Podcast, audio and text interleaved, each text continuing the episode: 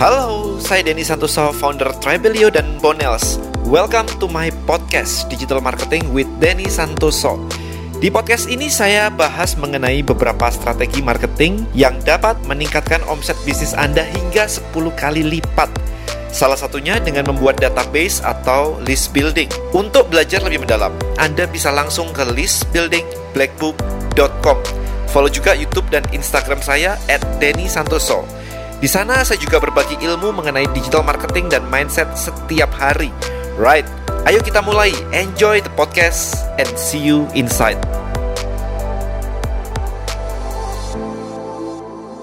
Gimana caranya lepas dari jebakan gaptek? Karena banyak yang bilang kalau mau masuk ke bisnis online, wah dan saya gaptek nih. Mau masuk belajar di kelas saya waktu itu di Elite, wah saya gaptek nih dan sebagainya. Jadi gaptek selalu dibuat sebagai sebuah alasan anak saya nggak lahir dan bilang pak saya gaptek. Dia nggak ngomong kayak gitu. Untungnya dia nggak ngomong kayak gitu. Jadi saya ngajarin udah langsung sekarang udah udah lancar banget main iPad kayak main semuanya jadi lancar banget.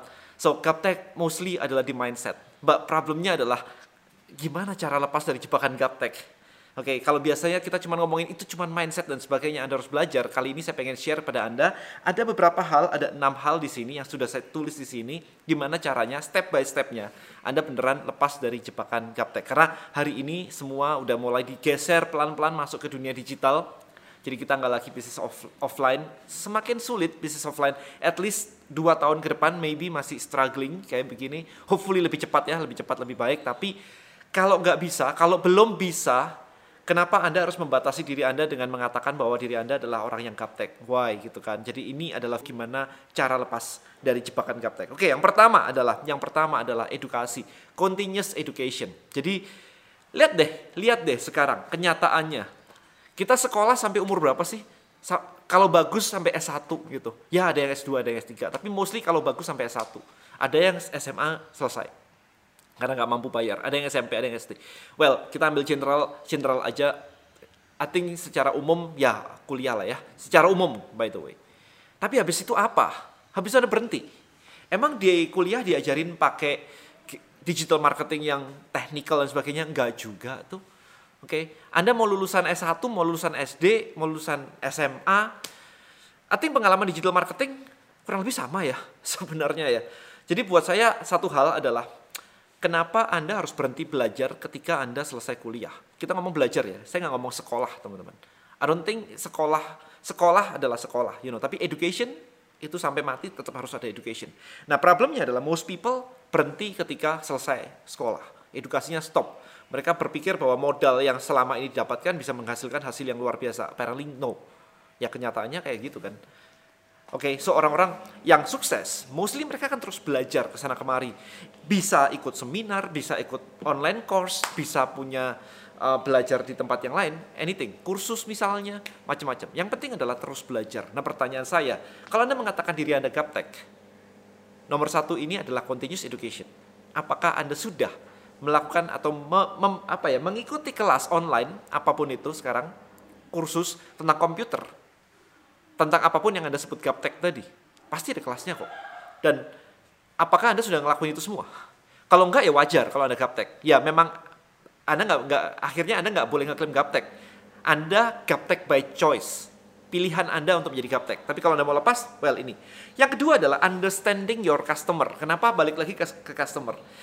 Karena tujuan Anda untuk tidak gaptek, untuk belajar teknologi adalah untuk bisa bisnis online. Nah, kalau Anda mau belajar untuk bisa bisnis online, otomatis Anda harus tahu market Anda di online seperti apa. Channel apa yang mereka gunakan. Apakah mereka pakai TikTok? Apakah mereka pakai Instagram? Atau mereka pakai YouTube? Or malah Google? Jadi Anda harus belajar yang namanya Google Ads misalnya, SEO misalnya, bikin website misalnya, meskipun hal-hal tersebut bisa di outsource teman-teman. Ya, jadi itu bisa di outsource sebenarnya. But Anda harus belajar. Jadi customer Anda itu ke mana sekarang? Mereka itu ngumpulnya di mana? Anda harus tahu dong kalau ngumpulnya ternyata di forum-forum kayak Facebook Group, kayak Kaskus, atau mereka baca baca website-website, atau mereka malah masuknya ke marketplace. Kalau Anda nggak tahu satu-satu itu, customer Anda belanjanya di mana, ya Anda akan quite challenging ya, akan struggling dengan menentukan kok jualan nggak laku, jualan nggak laku, ah saya gaptek nih kayaknya nggak bakat deh. Guys, teknologi bukan urusan bakat atau enggak ya.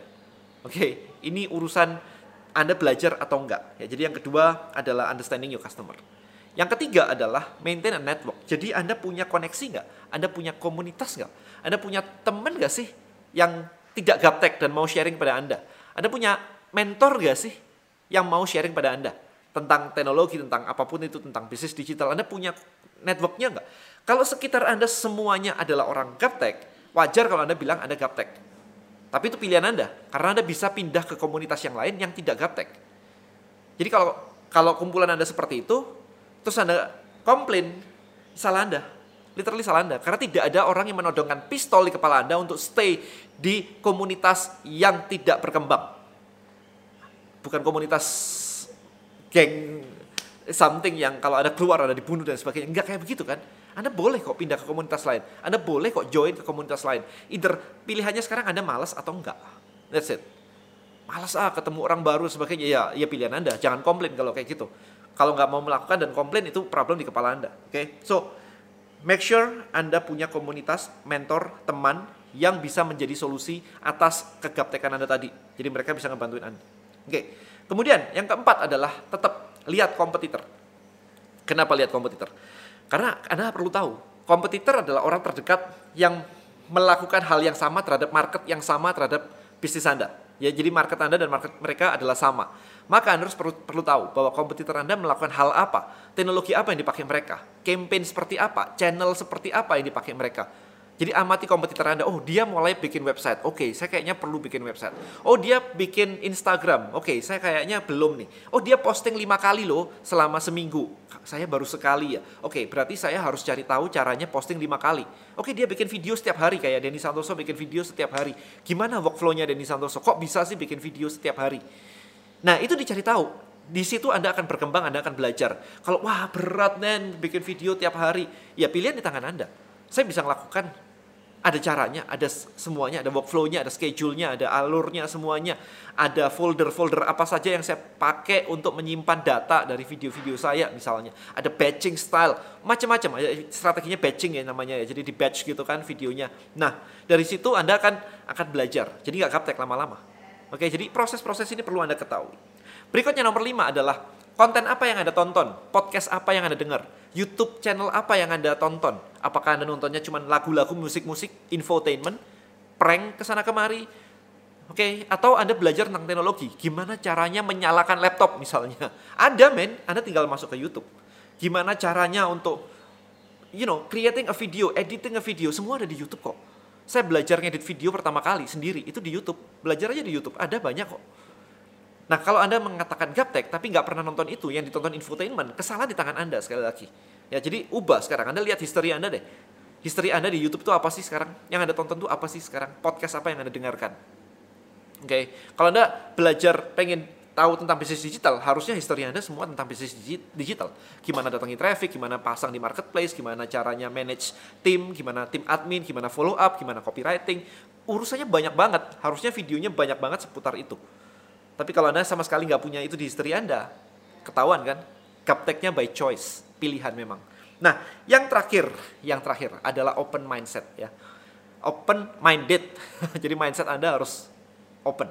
Ya, jadi Anda harus mau menyadari bahwa gaptek itu bukanlah sesuatu yang dipatok mati, karena anak saya lahir juga sebenarnya nggak nggak ngerti teknologi kan tapi dia tidak pernah memikirkan atau mengatakan bahwa dirinya gaptek jadi kalau anda sekarang mau berubah tugas pertama anda adalah mengubah di sini bahwa gaptek itu bisa diubah bahwa saya hanya kurang melakukan step 1 sampai step 5 tadi maka step 6 sebagai penutup adalah tugas anda melakukan yang pertama tadi semuanya bahwa anda open ke perubahan bukan karena usia dan sebagainya dan umur udah segini kemarin ada yang komplain men usia saya udah 40 sekian gitu kan. Udah inilah mau belajar kayak begini. Saya bilang usiamu itu di bawah usia saya, men. Jadi ketawa di usia saya. Tapi anyway usia dia di bawah usia saya dan dia udah ngeluh kayak begitu sementara saya masih ngebangun Tribelio misalnya. Ada yang bilang, "Den, kalau udah di atas 40 ya mau bangun bisnis baru kok kayaknya gimana ya?" Saya bangun bisnis baru di usia 41 kemarin itu. Guys, 41 saya baru build Tribelio dan itu beberapa tahun yang lalu. Nah, jadi It's just a number guys. Balik lagi, just a number. Jadi pilihan di tangan Anda.